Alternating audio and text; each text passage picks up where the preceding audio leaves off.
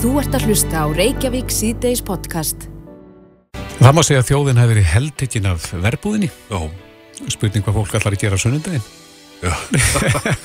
það verður eitthvað. Fyrsti sunnudagur eftir verbúð. Já, akkurat. En uh, það var náttúrulega mikið æði sem að greipa um sig. Uh, það voru hérna playlistarnir sem að gengu með tónlistun og verbúðinni. Það, það varð margt mjög vinsalt úr verbúðinni Já, já. og frá þessum 80s tíma. Já, en það kannaðist mann við margt í þættinum. Ég Já. þekkti til dæmis að eina milletúlpu sem ég átti á þessum árum. Uh, svona ljósbláa, já. sem ég sakna mikið. Það var góð úlpa. Já. Já, það var ímislegt þarna Vasadiskóin og Körpi Ríksuðan og seitt hvað fleira en, en það er spurning hvort að það myndist eitthvað svona eitt í sæði, hvort að einhverju hlutir eða munir úr verbúðinni komist í tísku aftur. Já. Á línunni er Gunni Hilmars, hönnuður og tónlistamæður, sett Gunni minn. Hæ, hæ. Já, þú, þú vantilega fylgdist með verbúðinni svo aðrir?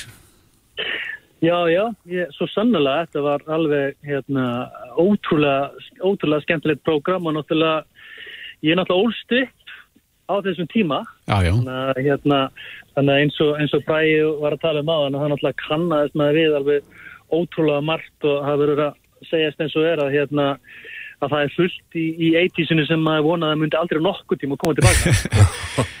Nei, sem, að, sem að leit dagsins ljós þarna. Já, sem leit dagsins ljósatna, þetta var rosalega velgert og ég þekki nú eina sem var einmitt í búningateimunu þarna og hún sagði að þetta hefði verið mjög erfitt sko í rauninni að, að hérna, setja saman svona stóra sériu með svona mörgum karakterum og mörgum senum að það er ekkert sjúklega mikið til eh, af, af fötum sem að eru heileg og kannski eru í alvörunni frá þessum tíma sko. Þannig að ég fekk svona smá baksögu frá, frá henni og ég skildi vel hvað hann var að meina sko. Já, þurfti að sauma þetta upp á nýtt eitthvað. Nei, eitthvað sko og eitthvað, eitthvað breytt og svo leiðis en mest var þetta nú leist bara á, á vintage búðanum. Það er ein búð sem heitir Veistland sem er, er nýri bæ og hérna er með mjög svona stert svona 80s og, og 90s væp í inköpunum og, og hérna ég veit að það var svolítið mikið sótt í það og síðan bara í, í persónulegar kistur ef að ef að það má kalla sko en ég held nú bara að- að stór hluta kynnslóðinni sem ólst upp í þessari tísku hafi bara með ofsalega glöðu geði hent mörg af þessu sko. Já, en það er svona, já, maður búast við því að það myndist eitthvað skonar æði. Það hefur verið eitthvað eitt í sæði þetta í, í löndunum í kringum okkur. Jú, það er búið að vera það og til dæmis sem maður skoðar sko tískulínuna bara núna þetta vor, eh, skoði sko tískublöðina sem er verið að myndra öllum síningunum, að þá er búið að vera svolítið stert 80s væp, það er búið að vera, þú veist, þessi skæru litur og þessi víðu snið og þessi víðu ermar og, og joggingallar og það er að koma alls konar sníkar að vera að endurgera Nike og Adidas að, að hérna ná í hlutu úr fortíðinu og svona og þannig dót, þannig að það er búið að vera svolítið tíma og svona stór merki kannski eins og Gucci og fleiri hafa svolítið verið að hamra á þessu sko. Og hérna og fyrir náttúrulega aðra kynsluður þá náttúrulega það er að sjá þetta í fyrsta sinn og þetta er öðruvís og þessi, þessi tíska var, þú veist, rosalega svona uník sko. En ég sé sko í rauninni áhrifa frá þessu út um allt sko, síðan voru serjur sterkarleik út eins og Stranger Things og svona sem að voru, voru líka svona ák ákveði periodist en síðan náttúrulega kemur bara ljós hvað áhrif þetta hefur hérna heima. Náttúrulega þetta hefur, það er engin að tala um annað heldur um verbúðina og það er útrúlega gaman að sjá einhvern veginn svona þessum áratug summerað upp í músík og tísku og tíðaranda svona, þetta er ótrúlega vel gert sko. Og, og ég held að ég held að æskan muni sko, sérstaklega að grípa þetta en það hafi nú segið sem sver að það er konur og öllum aldrei núna náttúrulega í, í sko í væpi frá þessu, þessari tísku sko, það er bara það eru joggingalefnir og síðan er það stígvelin yfir buksurnar og allt, allt þetta sem að sem að er bara beint frá þessum áratug sko. já. En síðan náttúrulega var kannski eldri kynnslóðin á, á þessum tíma sem að kannski var alltaf erfi, eftir á í tískunni. E, ég mann þetta eftir, eftir uh, ráðherra frakkanum sem er bundin í mittið.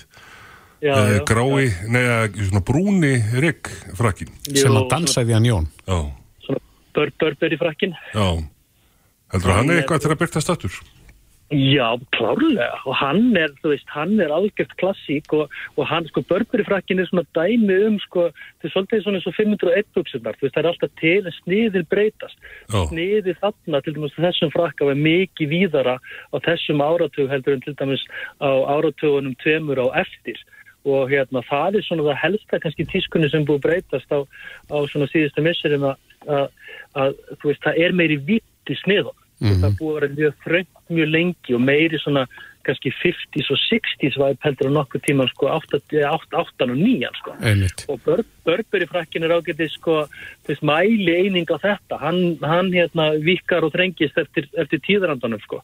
En hann er náttúrulega, hann var, þetta voru geggjut anspór hann í frakkunum. Þetta var, Já. Eftir mínu þetta já mjög sko. Þannig að, að það er eiginlega, við þurfum eiginlega að sjá bara hvernig þetta þróast sko hér en það er klárlega mikið væp í gangi og ég held að verðbúin alltaf er eitthvað sem tekur náttúrulega mjög langa tíma að framlega en tímasetningin hvernig þetta fór síðan út í kosmosi og frábær. En að þú nefnir að það náttúrulega búið að vera svona hálfgjört eitt í sæði erlendis, maður tók eftir því þegar maður fór inn í fataverslanir að það var mikið að svona stutterma bólum með myndum frá þessu tímabili eins og bara NASA-merkið til dæmis Já, já, einmitt, einmitt.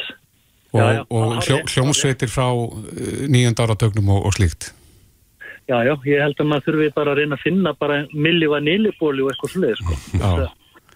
Vinna með það. En þetta er alveg rétt og þetta er, þetta er náttúrulega bara tískan er svona, hún gengur, gengur í ringi en það er svona almennt tal, talað, talað um það kannski með, meðal þeirra sem kannski er mikið að pæla í fagurfræði og þá er þetta tímabil samt í enda dagsins ekki það besta sem að hefur gerst, sko. En, en þetta var skemmtilegt og þetta voru öðruvísi og þetta voru, voru breytingar og svakaleg breyting frá til dæmis áratugum, áratugum þar á undan sem að gekk út alltaf á hluti. Koma herðapúðatir aftur? það hefur nú veistu það, það hefur oft verið reynd síðan og það hefur aldrei tekist. Og ég sé það, ég ætla að spá því að það takist ekki heldur í þetta. Já.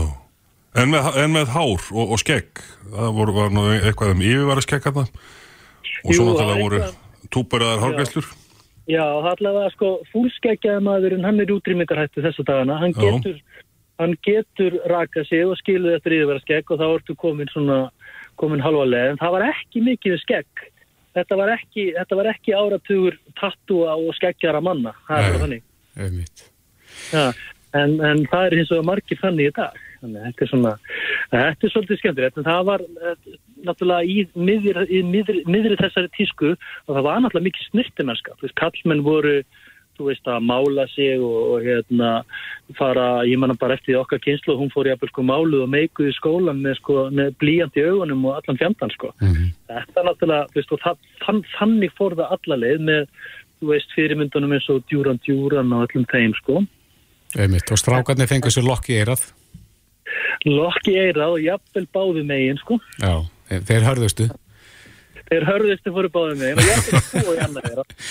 Akkurat En, en tískan uh, framöndan á þessu ári hvern, hvað verður svona ef við slettum aðeins inn Ú, það er í rauninni alveg svakalega, svakalega margt sko. Það er svona væn blanda einmitt af þessu víðari sniðum og, og hérna meiri, meiri litum en síðan er náttúrulega Íslendingur alltaf svolítið mikið, við erum alltaf svolítið í sveitinni sko, þú veist í svona grófari, grófari hlutum, hann bara kallar á hvernig hérna, hvar við búum og hvernig, hvernig veðrið er og svo leið sko. En það sem að klárlega hefur gerst er allt hefur vikað og, og, og svona silhuettan eins og við kallum hana, hún er öðruvísi sko. Þú Veist, það er ekki, þetta er ekki, þetta er ekki, ekki þröngt og svona eins og þetta hefur verið sko. Þetta er, þetta er þægilegra og þetta er afslappaðara og kannski svona frjálsara á mörguleiti. Við tölum, um- tölum um strákana sko. Já. Að þetta er svona, já, það er eiginlega sama þar. Það er eiginlega nákvæmlega sama. Þú veist, það er hérna, ef maður, ef, ef maður fer hérna út í dag og skoðar, skoðar konunnar, það er sko, þá er mjög mikið, eins og svo tala um þessar, þessi joggingallar og hérna skæraði, skæraði litir og, og hérna grófari skór og þetta er bara svona, þú veist, þannig væp þessa dagana, en síðan kemur þetta allt saman í, í ringi, en ég held að verðbúin, hún mun alveg skila og hún náttúrulega okkar kynslu hefur gaman að þessu. Já, akkurat En kannski er þetta, kannski er þetta hérna, endanum rammarinn svona í retrospekt hvað hva, hérna tekur það besta úr þessum, úr þessum áratug sko. Mm -hmm. Gunni Hilmas, bara bestu Já. þakki fyrir þetta. Við uh, sjáum hvað setur með eitt í tískuna hvort hún festis í sessu og það verði breykdanskeppni í óðali. Hvað hva, hva, hva sem líður öllum tískulitum þá verður guggan alltaf gull sko. Já, akkurat. Takk fyrir þetta Gunni. Já Þú ert að hlusta á Reykjavík C-Days podcast. Þættinum berast nú fyrir spurnir annars leið Já. og uh, það var eitt sem að setja sér í sambandi þáttin og myndi á það að uh, vegir hafi við að verið lokaði núna um daginn mm -hmm. þar sem fólki var meinað að fara milli uh, bæjarfélaga veg, vegna veðus ah, sem er stíljanlegt stundum mm -hmm. en uh, hann sagði að á sama tíma þá voru menn að leggja uh, í ferðu upp á jökul Já. og uh, það er ekki þetta að loka jöklinum en hann nefndi þarna sérstaklega tvo menn sem að fóru upp á jökul með neyðarsendi í för og svo þegar að veðrið var vittlust mm -hmm. þá bara settu menn, íttu menn á neyðarsendin og hann fór í gang og þeir gróði sér niður og þetta enda allt saman mjög vel Já.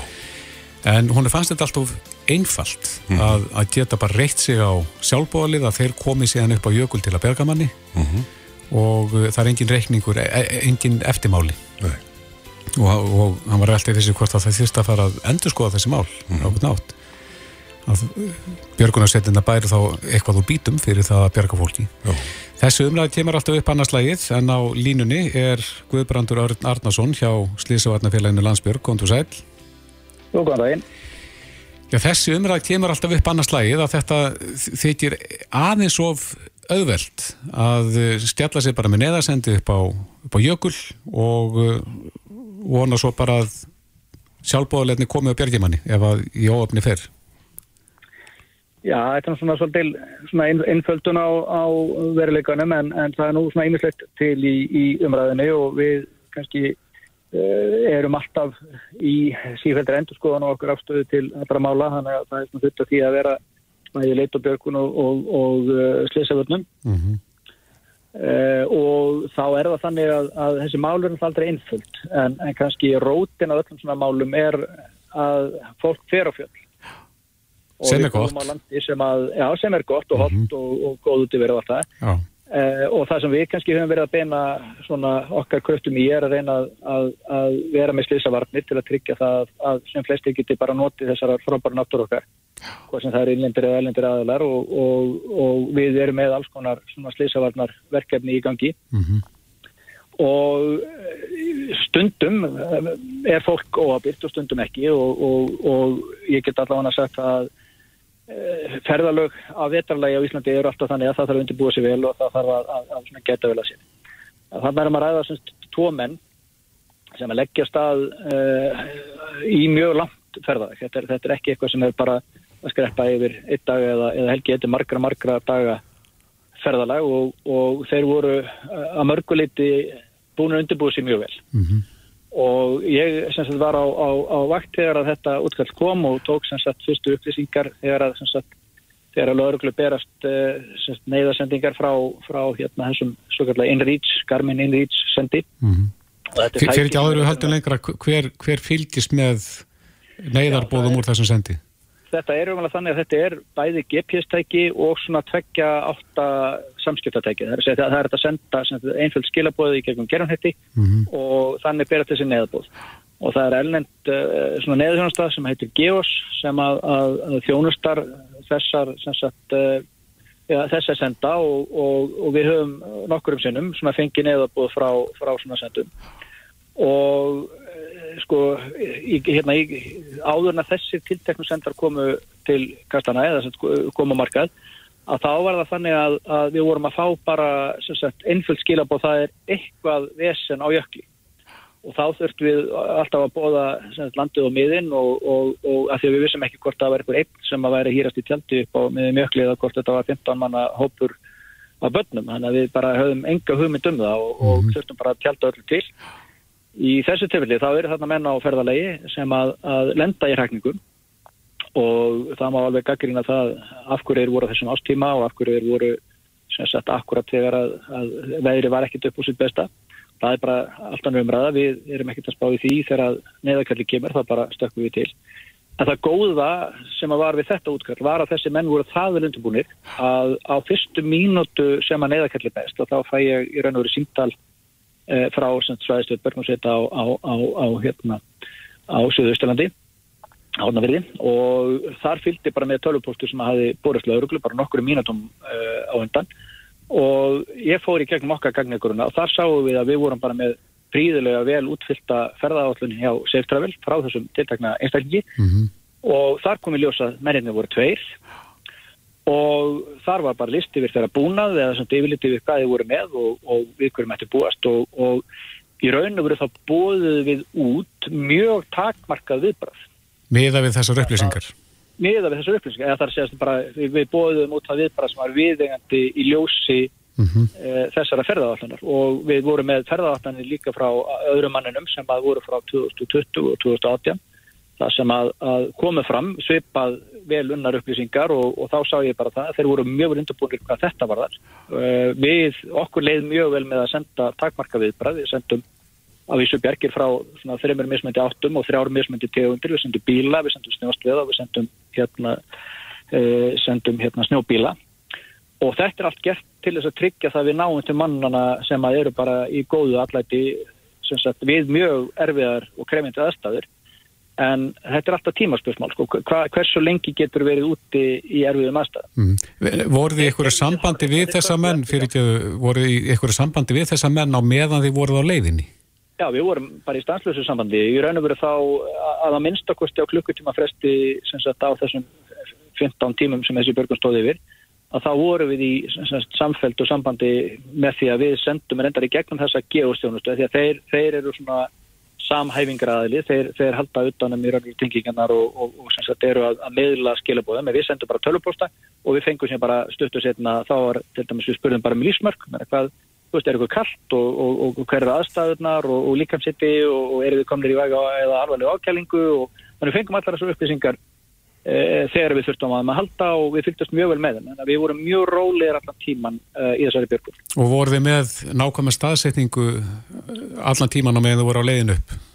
Já, í, okkar bransa er ekki tilnægt sem heitir nákvæmst staðsetning, allar staðsetningar sem eru gefnar eru, eru vísbendingar mm -hmm og í raun og veru þá uh, voru við þá, má segja, búinir að fá það oft stöðu uppfæslu á sagt, punktum sem að voru svona alltaf að dansa í kringum sama miðpunktin, þannig að svona, hámars, eh, sko, fyrstu tveir punktarnir sem við fengum, þá bar, báru sagt, bara á milli 20 kílometrar mm -hmm. og það er bara svo óvisa um leiðu og kveikir á tækinu þá er það ekki alveg búið að átta sig.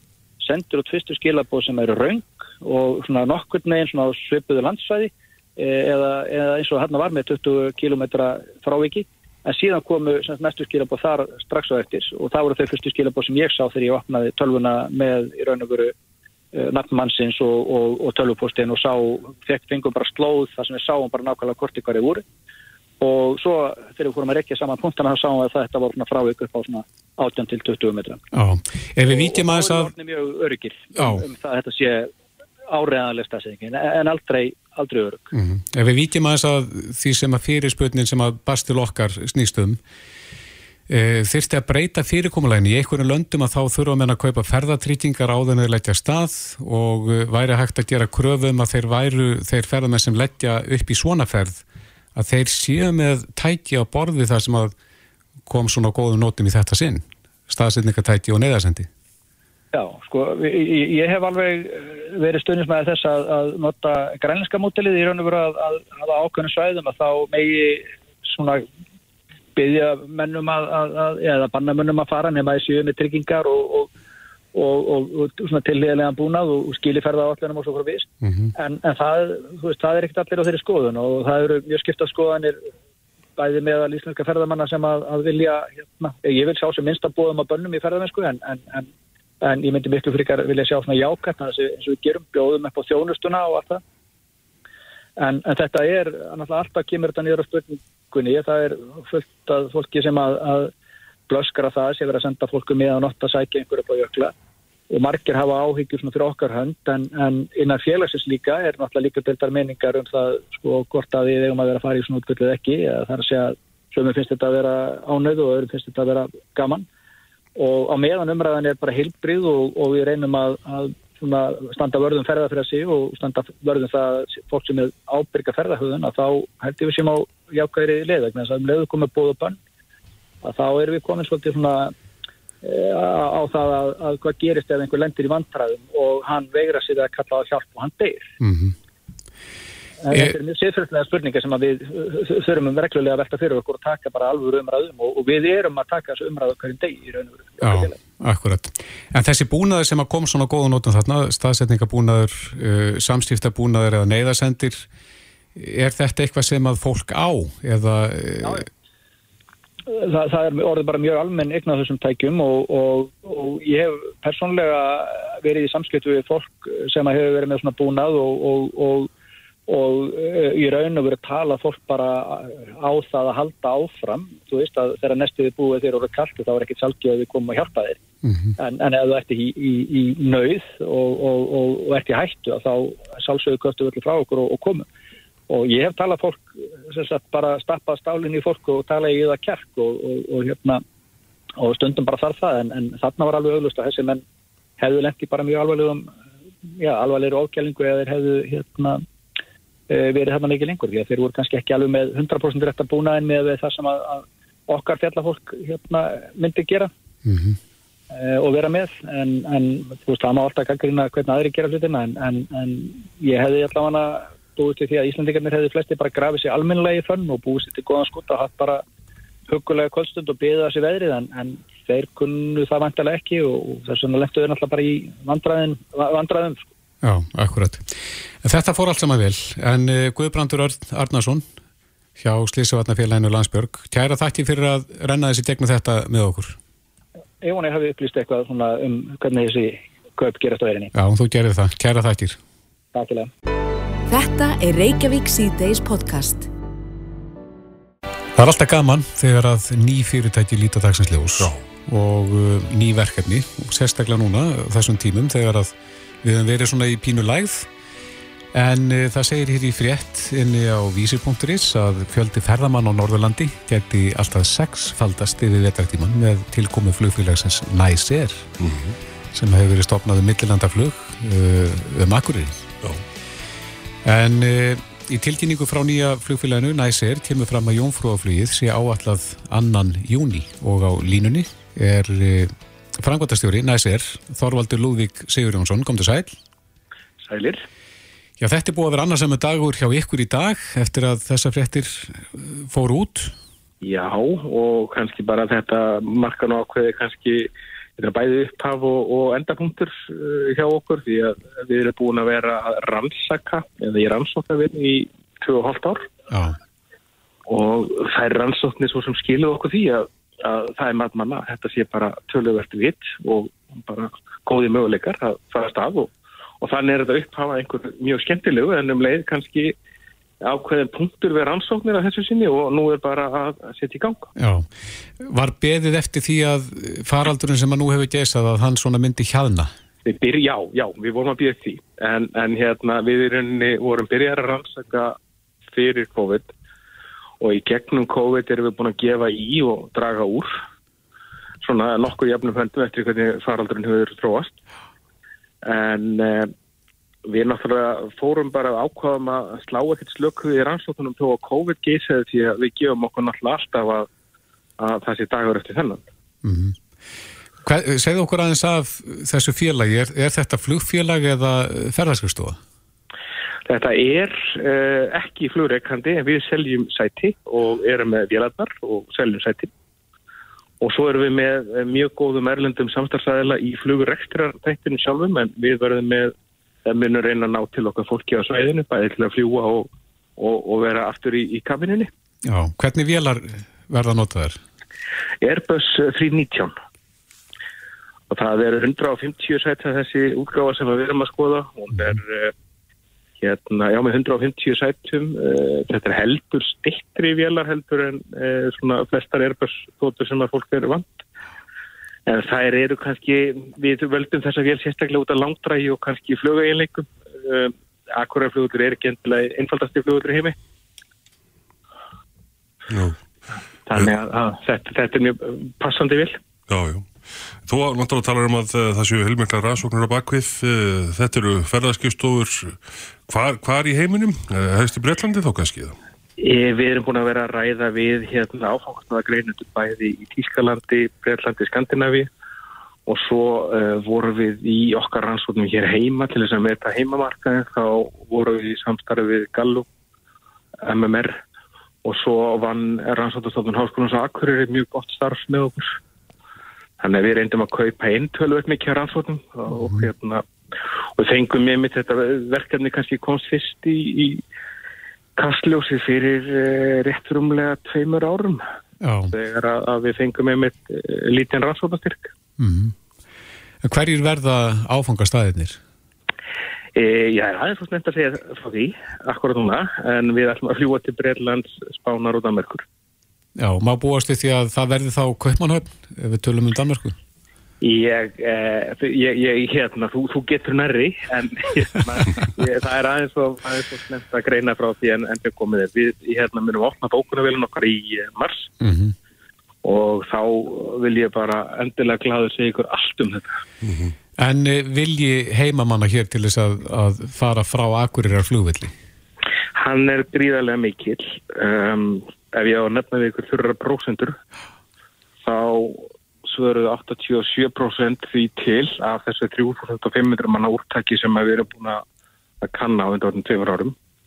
Þá svöruðu 87% því að þeir myndu gerðna vilja ferðast frá Akureyrar af því að þau teldu sér vera að spara 32.000 krónur á hverjum farþega við það að fara beint frá Akureyri að auki þá væru þau að græða tvo orlofdaga.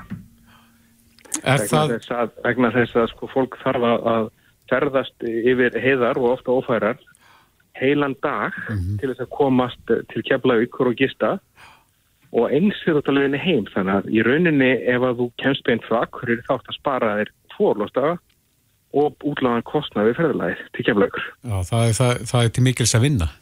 Það er til mikils að vinna og það kom okkur aðeins og óvart, ég skal viðkjanna það og, það er kannski gott með rannsóttir að það segja mann eitthvað nýtt að hérna e, fólk er mjög meðvitað um bæði kostnaðin og það að vera eða frítöfum í akstur til millavandaflugvallar og ef þið hugsið ykkur aðeins þetta er svona álíka fyrir bæði norðlendinga og östfyringa að þurfa að kera til kepla ykkur í millavandaflug það er svipað eins og byrði alla skota að kera niður til London.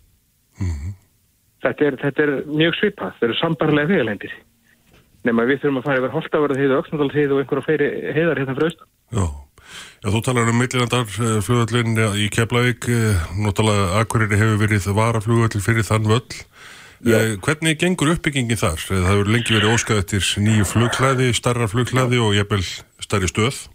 mikið ósköp og það er kannski bara, ef við byrjum á þessu jákvæða þá er búið að bæta aðflugsbúna töluvert það er uppbygging á flughlaðinu byrjuð, hún er búin að ganga mjög hægt og, og sígandi síðan 2013 það hefur verið vera lítill kraftur í þeim framkvæmdum uh, og svo var náttúrulega síðast en ekki síst þá var tekinn skoblustunga 15. júni uh, fyrir uh, hérna á síðast ári til að byggja nýja viðbyggingu við flugstöðunum sem er unni tvöfaldar getur flugstöðunar til þess að, að taka við. En kallar þetta og það þurfi að hraða framkvæmdum? Já, þetta kallar á það og það er kannski eitthvað sem ég er eiginlega að gefa mér að stjórnvöld muni leggjast á, á áratna með okkur og Ísafja vonandi líka að eh, flýta uppbyggingunni fyrsta lægin í millitíðin að koma upp bráðabörur aðstöðu þannig að það verður hægt að ráða bóta á þessu, menn verður ekki hérna norrbandi úti í, í, í, á hlaði eða, eða í strætisvögnum eða eitthvað leitt. Mm En þá er það kannski stóra spurningin líka og hvað, hvað mun þetta kosta? Er hver verður verðmiðin á fargjöldunum? Hann verður ekki ókunnur, við skulum segja það. Hann verður eh, bara sambarilegu við það að ferðast frá Keflavík. Já. Það Það- er engin ástæða til þess að, að skul flugið þurfa að vera mikið dýrara. Nei, hva, hva, hvernig flottið ykkur? Eru þið lág fargjaldaflugfélag eða, Nei, við ætlum bara að vera mest næs. já, sem sagt þjónusta þá í botni? Já, þjónustæði botni og allir með bróðsóður. Aha. Já, ég báðar áttirnar þá. Það skulum við vona. Já, bæði heim og, og heiman. Það skulum við vona maður. Já, og, og staðirni sem að fólk er að heimsækja hér, það er náttúrulega er, það einblínt á jafnvel demasringin og, og uh, það er þetta að ferðast náttúrulega víða um Norður og Östurland. Jú, við kannski minnst ágætt að rifja upp það er 20 þessar rannsóknar sem að stakka okkur mjög mikið. Í fyrsta lagi þá sögðu 70% ferðamanna uh, sem alltaf koma aftur til Íslands að þeir vildi helst komast beint út á land. Mm. Því að sko ferðarministri eins og þetta ekki er að taka þrjá eða fjóra daga í fyrstu Íslandsheimfló, fara til Reykjavík og gista þar, kera út frá Reykjavík gullnarhingin, fara kannski í Suðurlandið, mm -hmm. lága lónið á leiðin og landi og þá er þinni heimflótt lokið. Og aðspurður, segir erlendi ferðarmadurinn, þegar það komið næst, þá vil að fara bent út á land. Og það finnst mér að vera bara markað sem að þarf að sinna. Og það er rauninni það sem við sjáum sem augljóft tækifæri. Mm -hmm. Uh, við munum líka fyrir hrun að þá var, nei fyrir hérna COVID þá var uh, mikið fjallaðum það að Ísland væri uppselt ferðamenn hittu helst fyrir aðra ferðamenni byðröðum við, við geysi eða gullfósu eða einhver annar þar hérna held ég að sé tækifæri til þess að stækka kökun og við halda þeim frábæra árangri sem að markasetning á Íslandi hefur, hefur skilað okkur. Uh, við getum ekki sko hort fram því að við erum fyrst og fremst að stekka klukkuna heldur, heldur en hitt sko. Það er ekki verið að taka eitt eða nýtt frá öðrum. Einmitt. og uh, Jónfráflögið það verður, hvað segir þú, annan júni? Já, það er bara ef að, ef að Guð og Góða vætti lofa þá, þá gerum við það. Já, og áfangastæðurinn ljós? Já, ég geti sagt það, ég skal segja það sérna Það mátti reyna svona rétt í lokin. Ég veit að það eru lungskýr maður. En uh, Þorvaldur Lúðvík Sigur Jónsson, uh, fórsvarsmaður Næsér, frangandastjóri, við segjum bara til hamiti með þetta og, og gangi ykkur sem allra best. Herði, þakk kella er fyrir það og, og til hamiti sem að leiðis. Bless, bless. Bless, bless. Þetta er Reykjavík C-Days podcast. Það er svona margt á höldu, uh, hvað tekur við? Nú erum við að segla út af þessum faraldri, Já. svona að öllum líkjendum og og ferðarþjónastömmin það vantar að taka við sér en, en svo eru blíkur á lofti þegar það kemur að vinnumarkaðin mm -hmm. og uh, mikla skærur svona milli fólks þar Já, ekki eining við þess manni en það er spurning sko, hvernig þurfa hlutirnir að þróast til þess að hér uh, haldist allt eðlilegt á línunni er Sigmar Viljámsson formaður Atunufélagsins sem er félag lítill að meðarstóra fyrirtækja Sælsimi Já, sælir. Já, svona þín sín á, á þetta, það er hérna, það eru blikur á lofti og, og ég veit að marga kvíðir fyrir komandi kjaraðiraðum. Mm. Hvað þarf að gerast til þess að við förum ekki út á spórninu? Sko, í, grunninn veit ég að það sem verður að gerast er eiginlega ómögulegt, svona kannski fram á hösti og það er rauninni bara að, að, breyta nálgun sinni á þessa kjarasanninga og, og þessar skærum sem er í gangi því að svona heilt, heilt yfir þá hefur uh, allt í atvinnulífi heimsins breyst á undanförnum árum en kjærasamningar og, og viðsemyndur hafa ekki breykt neitt út af sínum aðferðum sko.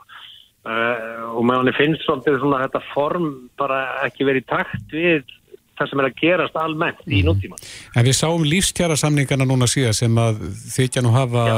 hefnast ágætlega, það sem að menn svona heldu að þessur höndum svolítið og og ríki kom í auknumæli þannig? Já, ég er ekki saman að því. Þessi lífskeiðarsamningar eru algjörlega ósamningar, algjör, algjörlega hérna, vanhugsaðir. Þeir var lagst þingst í raunin á sveitafélagin, svona svo að það sé sagt, því að það er að finna lagstu launin í landinu, það er innan raða sveitafélagana. En sko, það sem við þurfum að átt okkur á er það að atvinnulífið er svo sannlega ekki SA og, og hérna, eblingar styrjaldina sko. Það er ekki hérna, riggjast ekki aðvöldið, riggjast ekki eru litlu og meðastofu fyrirtækin sem eru líklega ekki skráð inn í ESA en eru bersamt að fylgja kjærasamningunum sem ESA gera. Og hérna, það eru bara margir aðvöldið sem áttar sig ekki á því. En ber að fylgja þeim kjærasamningunum sem ESA gera þó séu ekki hluti af samtökum aðvöldið. Mun það breytast núna með ykkar tilkomu? Já, ég, mér sýnir samt við þurfum kannski lengri tíma. Aðtunni félag er ekki að tjálta til einna nætur. Við erum ekki að hugsa okkar félag sem einhvers konar uh, hérna, hraðuflöf þetta er, þetta er langtíma verkefni uh, og fyrst að það er byrjað þá, þá mun það gera fyrr. En þetta er náttúrulega verkefni sem mun taka ákveðin tíma. Hins vegar e, látu þetta í okkur heyra og, hérna, og reynum að hafa áhrif. Kallin er sá og vandamálið er bara það að uh, ESA er háð ákveðnum reglum sína samtaka. Og það er sama hvaða starfsmenn ESA eru allir að vilja gerðir því að það er að finna virkilega hægt og gott fólk að þá endanum er það bara meilhutti afkvæða sér ræður innan samtakana og samtökinn sem að er núna að verða 20 og 20 ára gömul á þessu ári, þau hafa bara breyst. E, fyrir 20 ára síðan var ákvarðan að taka hennar samtaka aðtunulísins á breyðar í grunni. Það voru fleiri fyrirtæki sem að hérna, skoðin í fleira fyrirtæki endur spekluðust í, í stjórnun þessa en á þessum tíma, á þessum 20 árum hafa bara orðið til mjög stór fyrirtæki og, hérna, og það í rauninni gerir það verkum að það er bara kníjandi þörf fyrir að skipta upp hagsmunum lítill með fyrirtækja og stóra fyrirtækja. Því að þeir fara ekkert alltaf saman og sérstaklega ekki kjæramálum. Nei, og... Þú segir, segir maður að, að hryggjastykkið í aðtunlífinu séu mm. litla meðalstóru fyrirtæki. Hvað þarf þá að mm. breytast til þess að, að sko þið verði ekki undir? Já sko, í grunninn þarf kannski einhverju leiti að vekja bara aðtunarleikundur aðeins til lífsins. Það eru margir, mörg meðalstór fyrirtæki sem kannski líta á sig sem stór fyrirtæki og eiga ekki hagsmunni sína inn í aðtunifélaginu. Þannig að það, það þarf svolítið að kveikja á því og kveikja þess á bara skilningi uh, eh, aðtunreikata á þessum málum því að það er bara þannig að þó að menn séu að stunda góða rekstur þá kannski erum við ekkert alveg inn í því hvernig þessi kjaramál virka. Og, hérna, og, og það er bara staðrindin menn hafa heldur ekkert mikinn tíma í þessum stærðarflokki fyrirtæki í að sækja fundi og kynna sér málinn af því að menn eru bara með báða fætur í sínum rekstri dagstæðlega og, og þess vegna líka er mikilvægt fyrir, fyrir svona félag að komast á fót sem að sinni þessari hagsmunagestu á þess að menn fyrir vendilega að vera að sækja fundi að kynna sér málinn eða leita lögfræði aðstofa þess að verða sér út um e, þá hagsmunagestu sem til þarf. En sko í grunninn að þessi nefndu lífskjærasamningin Sko, í grunninn er kerfið því miður bara þannig að uh, kostnaður liggur þingst hlutfalslega á lítil og meðast á fyrirtæki og, og kerfið allt er í rauninni þannig byggt upp. Uh, ég get nefnt uh, veist, sem dæmi bara svona hluti eins og veikinda réttur starfsmanna ef við förum aðeins í það, bara sem er almenni kjærnsamlingar. Það vilja allir standa vörð um réttindi starfsmanna svona. Það er alveg klart mál, það er engin að tala um að vilja skerða réttindi þeirra. Hins vegar eru er kröfur á atvinnureikundu gagvært starfsmennum sínum þannig að, að hlutfarslega liggur sá kostnaður sem í því fælst herri á lítil og meðast og fyrirtæki. Og ég er svona nefnt sem dæmi fjögra manna fyrirtæki þar sem eitt starfsmæður lendir í veikindum þá þarf þetta fjögra manna fyrirtæki auðvitað að borga bara upp á veikindudaga sem að því fylgir. Og, og, og við viljum auðvitað ekkert skerða réttindi starfsmanna í því. En í fjóramanna fyrirtæki er 25% af vinnuafli þess fyrirtækis farið í veikindalegin og það þýðir að það fyrirtæki þarf við þetta ráða þá annan starfsmannin og þar með eikst kostnæðurinn um 25% sem er gríðanlegt og ef við setjum þetta í samhengi við stórt fyrirtæki svo til dæmis bara festi sem er með 1200 starfsmenn. Ef að festi myndi lendi því að 300 starfsmenn myndu þurfa að fara í veikindafrí til lengri tíma og þeir þetta greiða því kostnæð þá myndi það setja virkilegt högg í rekstur þess stóra fyrirtækis. Þannig að sko að einhverju leiti viljum við reyna að, að byðla til bæði kervisins og þess ofnbæra að skerða ekki réttindi starfsmanna að heldur frekar reyna að búa til þá frepa skiptingu í þeim kvöðum sem liggja fyrirtækjum út frá stærð. Og hérna má þá nefna bara sem dæmi tryggingagjörn veist, í hvað fer tryggingagjald hefur fólk kynnt sér það? Mikið talað um þetta. Í rauninni er þetta þrjú gjöld inn í þessu tryggingagjald og hluta tryggingagjaldinu fer ég að borga í, í, í, í hérna hagsmunarsamtökum ramræðin viðskipti sem er til húsa í samtökum aðrunlýfsins og, og hvað eru þeir að gera? Og veist, maður veit það ekki. Eh, í grunninn ætti þarna þessi gjöld eh, að vera hlutfarslega út frá veld og starf fyrirtækja.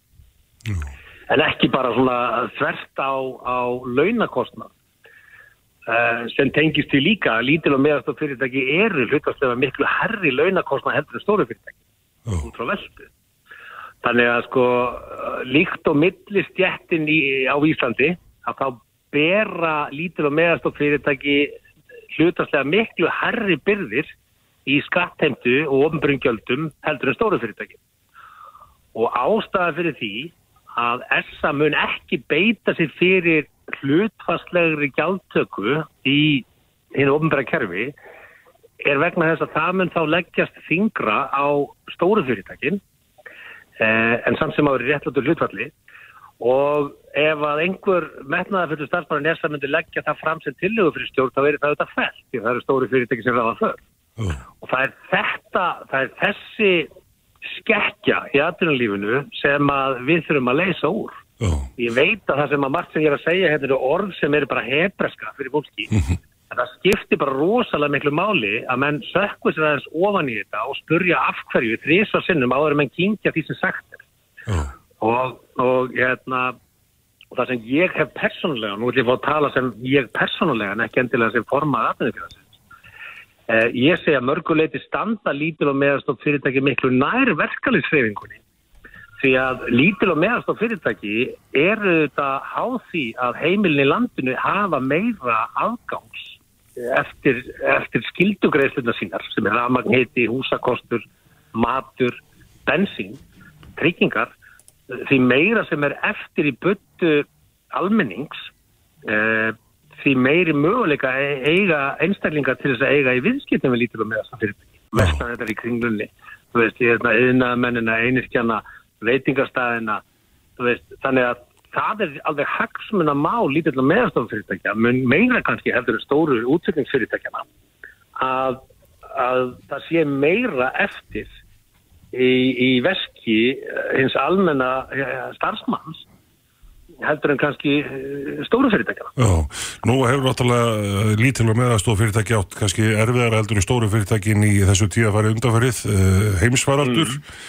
Uh, og þá, uh, þessi fyrirtæki vel að erfist ennþá haldrandi mörg hver þegar kemur að kjæra samlingum heldur að þetta veri tekið inn í rekningi þegar sami verður.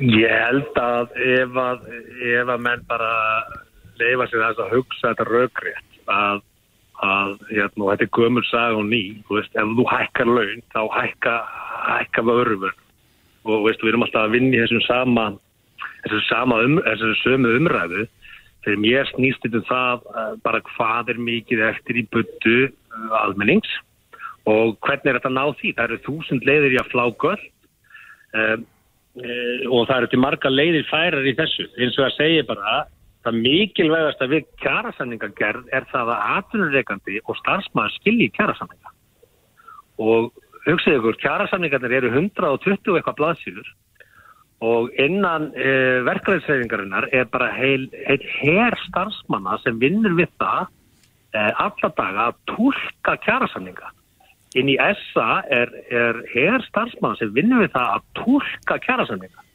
Sko samningar sem þarf að tólka eru ekki góði samningar. Nei, það þarf einfalda sjálfsögðu. Og mér þetta er bara mjög gaman ef einhver fjölmið tækja hjá sig að ringja niður í aðferð og spyrja hvað eru margir starfsmenn sem vinna við það að tólka kjærasamninga hjá okkur. Mhm. Og ringi ESA og spyrja hvað eru margir að því að sko ráðningasamband milli atvinnureikand og starfsmanns á ekki að þurfa að tólka eða fá lögfræðinga eða álit eða fara með í einhvers konar hérna, málaferli til þess að fá Nei. niðurstu. Það Rétt- er bara slæmi samningar. Rétt eins í lokin, Sigmar, uh, óttastu komandi tíð Um, þegar að, þegar að kjara samningar losna og menn þurfa að setjast Ég niður. óttast það að, að formaður samtaka atvinnulífsins og nýr formaður efningar get ekki talað saman. Það er slæmt fyrir allt atvinnulífið og sérstaklega lítil og meðastof fyrirtæki sem eru ekki aðilega að þessa því okkur ber að fylgja þeim samningum sem verða síðan á endanum gerðir. Eh, Það reynir mjög á forman samtaka atvinnulífsins núna í að ná einhverju góðu samtali við verkefæðsefinguna og öfugt. En af hverju ættu þessi leitóar tveir ekki að geta að tala saman? Já, það er svona með við forsöguna og hvernig þeirra samskipta hafa verið undanfarið og þá finnst maður ansi kallt á það milli. Það, það mun reyna verulega á þetta. Það, það er alveg ljóst. Hvað var það almennt tíðafara, þá held ég að Ísland sé svona eins og spýtbátur. Við erum fljóta að, að vinna okkur tilbaka og ég held að ferðarþjónusta verði mjög spennandi og verði fljóta að, að reysa sig á fætur. En það við ekki nema tvær miljónir ferðamanna til þess að vera með uppselt land. Og ég held að við náum því mun fyrir en mörg lönd í kringum okkur því að við þurfum bara hlutastlega fleiri ferðamenn í, í, í sín batteri þannig að ég leiði mér alveg að vera bjartið með þetta en ég fer ekkert ofan af því. Við, við þurfum að breyta vinnu markas umhverfi fyrirtæki á Íslandi því að við erum bara búin að vera að reka hér stefnu fyrir stórfyrirtæki. Og, hérna, og það þarf að laga það. Og það er miklu lengra samtal því að við þurfum líka að fara í og veist, mm -hmm. hérna, lífeyrissjóðinir eru þannig uppbyggðir að þeir fjárfesta bara í stóru fyrirtækjana og það er af því bara af því að í löndunum í kringum okkur er bara mjög skýr stefna lífeyrissjóða að fjárfesta í litlum og meðastóru fyrirtækjum. Af því að meir og minna eru allir sjóði lífeyrissjóðana upp, uppistaðar í þeim eru frá lönstegum en það vinna 72% allars launþega hjá litlum og meðastóru fyrirtækjum. Þannig að þú vilt að lífeyrissjóðin líti í aðrar áttir heldur en bara stóru fyrirtækin? Sko við erum lítið land og við byggjum á litlum og meðastóru fyrirtækjum. Alveg eins og mörg löndi í Európu gera og lögjöfinn þar er bara sér sniðin fyrir það aðnunni Við mm -hmm. erum ekki stór fyrirtæki þjóð en við höfum hagað okkur þannig og það er þessi óbalans sem við sjáum víða í kerfinum hann, hann smitar í það.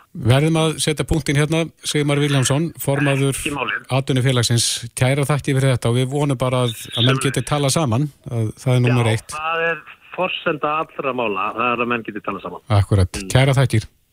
Sumulegis, takk. Við höfum nú talað um svefnin og mikilvægi svepsins núna í gegnum tíðina en uh, það byrtist uh, fróleg grein inn á vísi.is undir atunulíðunu sem að heitir Svefnstjórnun á vinnustöðum orðina veruleika og það er Rakel Sveinsdóttir, uh, rittstjóri atunulífsin sem að skrifar og Rakel er á línu, kom til sæl. Já, sælverði. Já, svefnstjórnun á vinnustöðum, við höfum nú reynda rætt þetta áður en er eitthvað nýtt að gerast í þessu? Uh, já, í rauninni kannski, þú veist, ef við tökum að hans eftir á því, við rættum þetta aðeins fyrir tveimur árum síðan og mm. þá mhm. í rauninni voru við að, að hérna rína í og ræða aðeins um niðurstöðu vísindamanna sem að voru farnar að, að tala þá fyrir því kjörfær hérna rannsóknar, þú veist, að vinnustæðir færa að skoða þetta fyrirbæri sætt stjórnum. Mm -hmm. Og, hérna, og það sem er svolítið aðtæklusvægt að, að fylgjast með núna fyrst Erlendis er að sjá að þessi umræða er fyrir alveg að fara stað, ekki vegna þess að sættjórnin er orðin svona uh, þekkt fyrirbæri, heldur frekar veist, að, að fyrirtæki eru klárlega byrjuð að þreyfa fyrir sér hva, með hvaða leiðum það er hægt að innleiða sveppstjórnun mm -hmm. á mhm. vinnustöðum og það er og, og það og þetta í rauninni þú veist ef maður talar svona hérna og ekki nógu góður í íslensku þetta meikar í rauninni svolítið sens þú veist hérna það, það er löngubóðar anstakka það og sína það í tölum að atunlífið er allstaðar að tapa háum fjárhæðum þú veist vegna þess að við erum ofrikt og það er ekki vegna þess að við erum ekki nógu dugleg í vinnu heldur er það bara hérna marg sanna, þú veist að þegar að við erum ekki ná sefnum okkar sem skildi, að þá bara þú veist að, úthalda okkur í að halda hérna einbeitingunni, þú veist náföllum afkvöstum, vera upp á okkur besta, bara í samskiptum og svo framvegis, að við náum þessu ekki einsvel og þegar við erum út kvild og við vitum þetta öll hérna það, það sem að svona kannski er Uh, að gera það verkum fyrst að ég er svona virkilega trúið í að þetta sé einhver sem við munum hérna, sjá og heyra meira af á næstu árum mm -hmm. er að ekki bara það þú veist að erlend fyrirtæki eru klárlega að taka svona þú veist einhver, eh, einhverja þreyfingar í því þú veist hvað er hægt að gera til þess að virka og stöðla því þú veist að, að fólk sé að kvíla sig meira og sofa meira heldur er það kannski líka það að þegar við leggjum þetta allt saman, veist, uh, það sem er að gerast þetta í kjálfar COVID er að alltaf í heiminum eru vinnistöðar að sína að það verður meiri áherslu á láð ábæði andla og líkamlega hilsu starfsfólks. Mm -hmm. Það er eitt. Uh, við höfum á síðust árum verið að læra svolítið að sporta með kulnun það er annað. Mörg fyrirtæki eru líka þú veist bara að ja, markvist í fræðslu og kennslu á því þú veist hvernig við getum spórna við bara streytu og svo framvegis. Við erum alltaf og þið er mitt að hafa verið mjög döglegið því þú veist að læra meira um mikilvægi sveps og, og þegar að við svona, hérna, leggjum þetta allt saman saman að þá eru þú veist, eh, hérna, gæti ég best trúa, þú veist, að það sem okkur finnst kannski verið svolítið nýtt að heyra núna sveppstjórnun, þetta er eitthvað sem að sko eftir 7-10 ár, þú veist, við verðum komin miklu, miklu lengri og okkur finnst bara eðlilegt að vinnustæðunum okkar sé ég að með eitthvað prógrami gangi sem að gengur einmitt út á það að við séum alveg örglega að passa okkur upp á að sofa eins mikið og við þurfum Já. á að halda. En Rækli, þú nefnir í greininni þrjár uh, mismunandi leiðir í svefnstjórnun. Getur þú farið að segja yfir þessar þrjár leiðir svona í fljótu bræði? Já, það er hérna 888 leiðin. 888 leiðin er í rauninni hérna, gengur út af það að fólk þrý skiptir sólasengnum. Það vinnur í 8 tíma, tefur í 8 tíma og síðan eru einhverja áttatímar sem fari í einhver annar og þetta eru runni leið sem að sem finnst kannski hljóma bara, ég menna, ég veit bara vinna í áttatíma hvort það er, en fyrir mörg fyrirtæki er hérna þetta mikil breyting, þú veist, þar sem að það er bara hérna lung hefð fyrir því, þú veist, að, að það er oft langir vinnudagar, þú veist, þannig að það að fara í 888 er breyting fyrir mjög mörg fyrirtæki. Þannig að fólk er bara rekið heim? Já, þá er það í rauninni bara, þú veist, þá kemur það bara frá fórstjórnum og niður úr, þú veist, mm -hmm. að fólk má ekki og á ekki að vinna lengur en náttatíma. Mm -hmm. Og þetta er þá til viðbúta við, þú veist, það er alls konar aðgerðir í gangi að banna að senda tölvuposta, að banna að ringja, þú veist, það er alls konar hlutir. Þú veist, þannig að við vinnum í áttatíma, við sofum í áttatíma og við nýtum einhver eitthvað annað. Síðan, hérna, hefur það verið svolítið síðust árin, þú veist, að, að hérna, og þá hefur það verið að færast í vöxt að, að fyrirtæki sum þekkt eins og Google, þú veist, eru með þessi afdrepp þar sem að fólk bara sennilega gefst kostur á því, þú veist, að, að kvíla sig, þú veist, það er hérna uh, í þessari grein verið að nefna stjórnstaklega fyrirtæki sem er bara með hægindastóla sem að hérna eru rauninni bara aðstæðan fyrir fólk að taka svona 20 myndna lúra, mm -hmm. þú veist, við bara förum og setjumst í stólinn og það eina sem við höfum að gera þar er að dorma þess og hérna og þetta hérna fyrirkomulag er í rauninni sett svolítið í samengi við þetta sem við þekkjum svolítið frá löndum eins og, og hérna Ítali og Spáni þar sem að síestan veist hefur í rauninni lengi vel verið hérna hefð þar sem að fólk vinnur á mótan og það leggur sér hennilega upp úr háti og heldur sig að ná fram. Já, yfir heitasta tíma þá leggur það sig Já, já, mm -hmm. þá, en, en núna sagt, er fólk kannski, þú veist, svolítið að hugsa, þú veist, hvernig getur við innlegt þetta, þú veist, að fólk kvíli sig, mm -hmm. þú veist, þarna, á, á hérna uppurháttegi, þú veist, hérna, bara markvist, þú veist, alveg eins og við gerðum í tjestinni og hérna, og síðan er það, sem sagt, leið þrjú sem er í rauninni, kannski, þú veist, þessi, hérna, helsustefna sem að fyrirtækin eru, þú veist, að að mörg hver og við þekkjum alveg hérðan hérna að, að einblinn á þar sem að veist eh, vinnustæðinir eru markvist í veist hérna einhverjum aðgerðum og verkefnum og átökum til þess að, að stöðla betri líðan veist það eru alls konar hluti gerðið fyrir seyfingu, kannski styrtakort eða aðstafa og svo framvegis og sömulegis líka alls konar hluti gerðið í mötunautum til þess að tryggja góða næringu og svo framvegis. En þarna er í rauninu verið að segja að svefni sé að bætast við sem verkefni inn í fyrirtækunum og eigi jafnvel að vera sko áherslu númer eitt vegna þess að til þess að ná okkur í uh, hérna gott form með allt annað, þú veist þannig að allt annað séu jafnvægi hjá okkur, þá þarf sefnun alltaf fyrst að vera í lægi. Já, akkurat. En þetta er, þetta er að koma meira inn í þessa vinnustad menningu ekki bara hjá Google og, og Cisco eins og nefnir hérna heldur, heldur víðar? Já, það, það, það, það sem er svona aðteglisvert í og við erum að vitna í, í BBC í dag er að, að bæði fyrirtækið, þú veist, við erum að sjá þetta í bandaríkunum og við erum að sjá þetta í Evrópu. Þannig að þú veist, við erum að sjá allar vísbendingar um að sveppstjórnun, þú veist, er eitthvað sem er að fara að koma, þú veist, og eftir 1, 2, 3 ár, við förum að tala um þetta meir. Já, akkurat. Já, mikilvægi svefnins, þetta verður aldrei ofoft rætt um þetta e, og svo eru margi sem eiga bara við svefntröflanir að, að etja, svona bara í sínu vennulega svefni. Já, og, og hérna eitt af því sem svefnstjórnum til dæmis tekur á, það er þú veist að gefa okkur færa á því þú veist að ræða það þá, þú veist, og vinna af því, þú veist, með vinnunni og þú veist, og við þurfum ekki að burðast með það einn, heldur, þú veist, er við þá kannski í einhver átaki eða í einhver maðurgrunn til þess að ná auknum sveppgæðin hjá okkur sjálfum og fáum stuðning til þess í vinnunni. Mm -hmm. En eru fyrirtækin að hugsa um sinnhag með þessu eða hag stafsmanna? Uh, ég held í rauninni veist, það, það er rauninni bara helst alveg í hendur. Ég menn, ef við tökum þetta engung út frá sko kulnar áhrifum, að þá eru fyrirtæki náttúrulega bara að fara nátt að segja á því, þú veist, að það er þeirra hagur að sporta með kulnum starfsmála, þú veist, vegna þess að fólk, við, við erum að mista mannauð, þú veist, frá okkur, þú veist, kannski ofsnemma, þú veist, út af álægi. Það er eitt, þú veist, en síðan líka bara hitt, þú veist, að þegar það eru rannsóknir sem sína bara hreinlega í tölum, þú veist, að atvinnulífið er að tapa peningum vegna þess að við erum ofþreytt. Ég, ég held við síðan ekki ennþá komin á þann stað, veist, við sem að finna einhver samfélag þar sem að bara mælingar sína það að bara fullur fólk upp til hópa segist bara allt vera útkvílt. Mm. Ég, ég, og ég, þú veist, ég held við síðan ennþá svona smóliti í því, þú veist, að fara og seint að sofa sko. Rétt aðeins í lokin, hvenar heldur að þetta reyði settir ums hér? Eru íslensk fyrirtæki að, að vakna?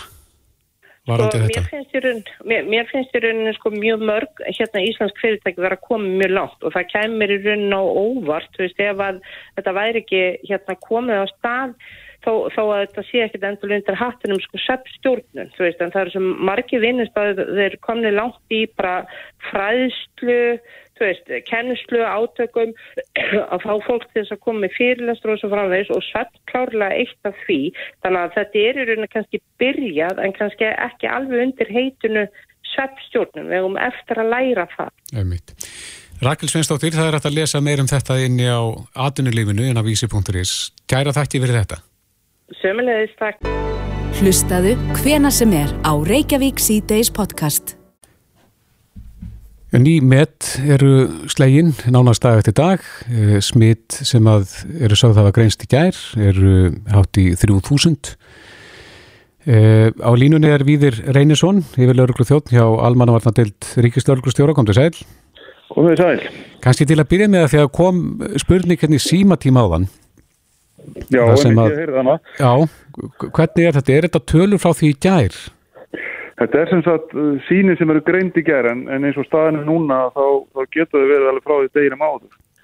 Þetta, eins, og, eins og þessi maður sem var í símantímanum áðan sem að, sem að fór í, í, í símantöku gerð og var ekki að það koma með niðurstöðuna. Við erum að sjá alveg tvekja daga töf á, á því sko. Þannig að, að þetta, er an, þetta er náttúrulega miklu fleiri jákvæða síni heldur við að séð áður og, mm. og við erum líka auðvitað með minni greininga getur heldur en við vorum. Það er það greininga með okkur í þessu.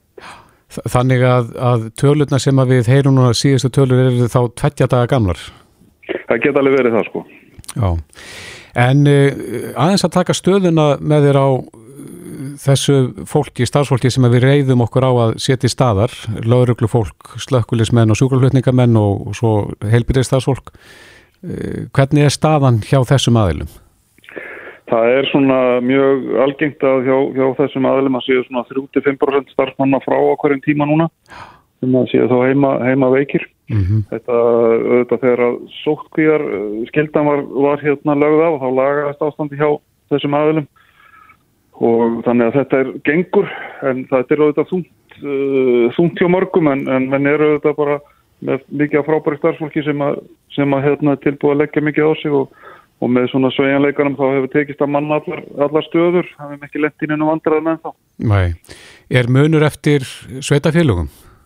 Já, þetta sveifla svolítið til og frá sko, það eru þetta sjáum það að, að, að hérna, það verður kannski slæmstað á Suðurlandi eina vikuna og svo, svo hérna næstu viku eftir er það allt í lagi þar og, og sama sjáum við bara svona færast á milli að, að koma upp svona, eins og kalla, valla að kalla hópsíkingar þegar þetta er alveg svona mikið útbreytt en við sjáum alveg álægir færist aðeins á milli eftir því hvernig staðan er bara. Já, við gerðum könnun hérna uh, þar sem við spurðum um grímustilduna og það kemur í ljósað um 55% ætla að nota grímuna eftir að grímustildu líkur. Uh, ertu sáttur við það? Já, mér finnst þetta bara, ég held ég, held þetta sé nokkuð eðlilegt að, að fólki finnast að vera svona eitthvað örugari með grímunar og Ég held að, að sko núna þegar við erum búin að kynast þeim og menn vita, vita hvaða gagn þetta gerir þá munum við líka ekki síður kannski sjá þessa þróun sem við hefum séð tekjum bara frá Asíu það sem að sá sem er kvefaður, það sem er lasin, hann er með grímana til að verja fólki í kringu sig. Ég veist að það verð ekkit síður svona, svo nótkun verið hjá okkur, það, það þykir bara eðlilegt að sá sem er eitthvað lasin að hann, hann sé með gríma til að smita ekki aðra. Mm -hmm. Það segir hérna í fréttin á vísi.is að, að hátti 10% starfsmanna eh, landsbítal er nú frá vinnu vegna COVID. Er þetta leggjast þingra á spítalan heldur en kannski aðra stofnanir? Nei, þetta sé bara mjög svipað. Þetta er, þetta er svona eins og segi, 3, 5, 8% er mjög algengt sem við erum að heyra. Það er 10% er svona með því hæsta sem við hefum heyrt. En, en þetta, er, þetta er bara misjæmt hvernig þetta leggst á og eins og segi, það kannski hittir þannig á núna á, á þessum einastasta vinnustad landsins að þá er hans margir frá. En er verið að kalla fólk úr uh, einagrunni eða? Nei, það er held ég enginn farin að, að gera það ennþá sko og, og það er held ég hjá allir algjört neður úr ræðu og það væri þá engungum að ræða fólk sem væri ekki lasið sko. Það er, það er auðvitað fólk sem er með mjög lítilega engin enginni sem, að, sem er í einangrun og það væri það elst þá ef það fólk væri tilbúið að, að koma til vinnu til þess að bjarga neður ástandi en það er enginn sem ég veit til þurft að grípa til þess að þá. Nei, það, Vonandi verður, vonandi verður ekki. já, það er búið að afnema sótt kvína. Hefur það bætt stöðuna? Já, já, það breytti bara mjög miklu fyrir, fyrir, fyrir mjög marga og við fundum það bara strax. Já. En hverju spáið þið núna um framhaldi? Þetta eru uh, náttúrulega tölur sem við hefum ekki séð áður. Svona fjöldi þeirra sem er að greinast núna. Hvernig spáið þið að kurvan verði og þróist? Það er vilt að segja nákvæmlega en þetta er einhvað sem við þurfum bara að reikna með að verði næstu viku til tíu daga svona, svona mikið. Að það sé eðlilegt bara með það að það eru það byrj 100.000 staðfest smitt komin og, og, og rannsón íslenska eðagreiningar og sóttandalægnis bændi til þess að við séum svona að greina helmingin.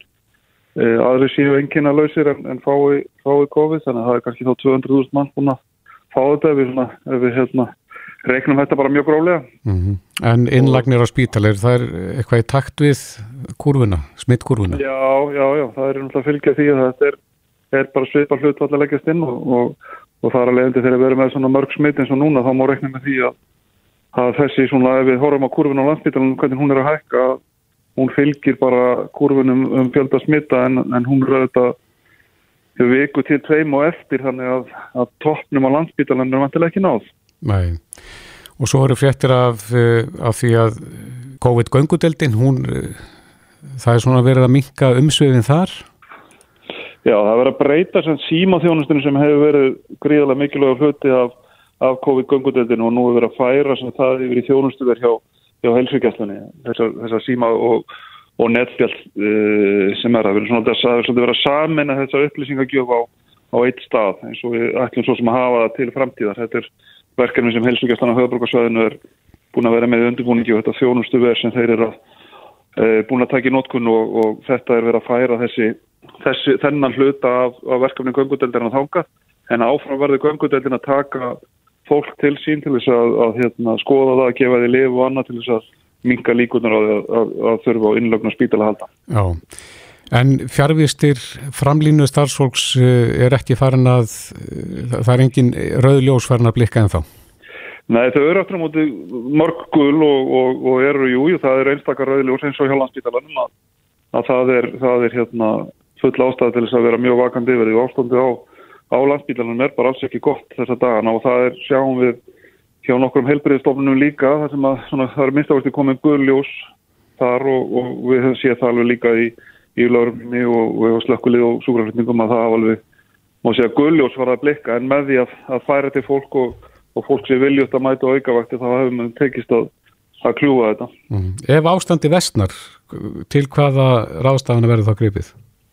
það eru sko flestir þessar aðlar með sínar svona innri áallanir um það og hafa gert áallir sem kallum sko óróan rekstur og eru þá með, með þetta, þessa leiðir að auðvitað að, að starffólk sem að sinnir öðru verkunum daglega færi þá í, í þau verkunni sem get ekki byggði þannig að svona innri fórgámsluðin þessara fyrirtækja bara eins og við séum helburiðstofnunni gera það sem að svona valkvæðið valgerðu fresta þá, þá er það sama sem gerist hjá, hjá öðrum aðlum að menn fara að, að velja þau verkefni sem að hafa fórgang og önnu verða þá bara að býða og og lengist á oft halin í þessari þjónustu sem fólk er að býða eftir hjálpum þessum aðlum. Mm -hmm. Það er ekkert inn í myndin að herða sótt?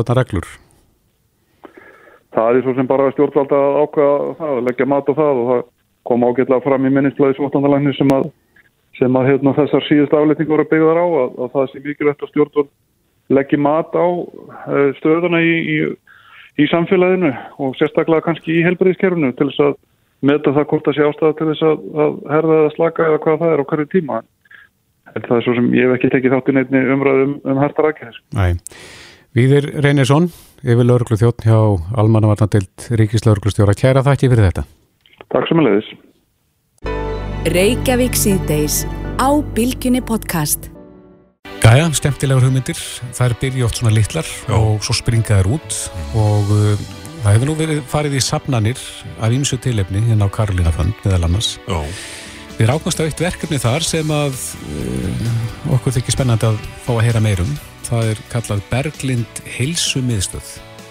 Hamingjan býr í heilsunni, stendur hér. já, Og með þinni hjálpa stóð þú frumkvöðlega við að opna nýtt fyrirtæki. Það er kostnarsamt að stofna fyrirtæki, segir hér. Og því leita ég eftir stuðninsæðalum sem vilja leggja lóð á vogaskálanar og hjálpa mér að opna Berglind Heilsumiðstöð. En hvað er Berglind Heilsumiðstöð? Á línunni er Sandra Sigurðardóttir sem að eh, já, stendur fyrir þessari söfnun inn á Karolina Fund. Sæl Sandra. Hæ, hæ. Segð okkur aðeins af þessari hugmyndi ykkar.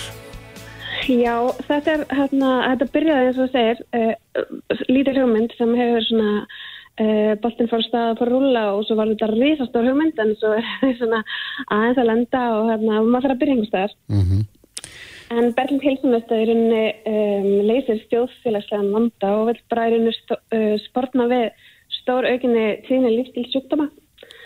Og við bjóðum upp á heilbreyðsraðgjöf fyrir fólk sem hefur náð svona miðjumaldri og vil fjölga heilbreyðari og innihaldsríkari æðárum. -hmm. Þetta er svona markmið okkar. Er, er það ekki til á markaðinu núna? Það er segja eitthvað skona svona uh, ráðgjöf. Það er alls konar til og, og hérna, uh, já, það er bara, eins og segja, alls konar til og það er uh, bæði í ráðgjöf og, og svo náttúrulega bara heilsugjastlan sem á rauninni að sinna þessu en við veitum það að við búum við rosa gott heilbreyðskerfi en, en betur um á að döga skal og við þurfum að, að hugsa um rauninni forvarnir og fræðsluna. Og langvarni sjúkdóma má reykja til lífstilsbreytinga og við veitum að færri ná að njóta lífsins til fulls. Og það er svona þjóðfélagslega vandi. Og ef við horfum á æfilengt íslendinga við góða heilsu þá erum við að tala um tæp 69 ár. En meðal æfilengt íslendinga er samt 82,5 ár Já, já. þannig að við sjáum hann að bila á milli og, hérna, og þarna, þú veist, við viljum þegar við hættum að vinna þá viljum við fara í golfferðir og við viljum nota lífsins og, og ferðast og alls konar. Mm Hafa heilsu En í þetta- það.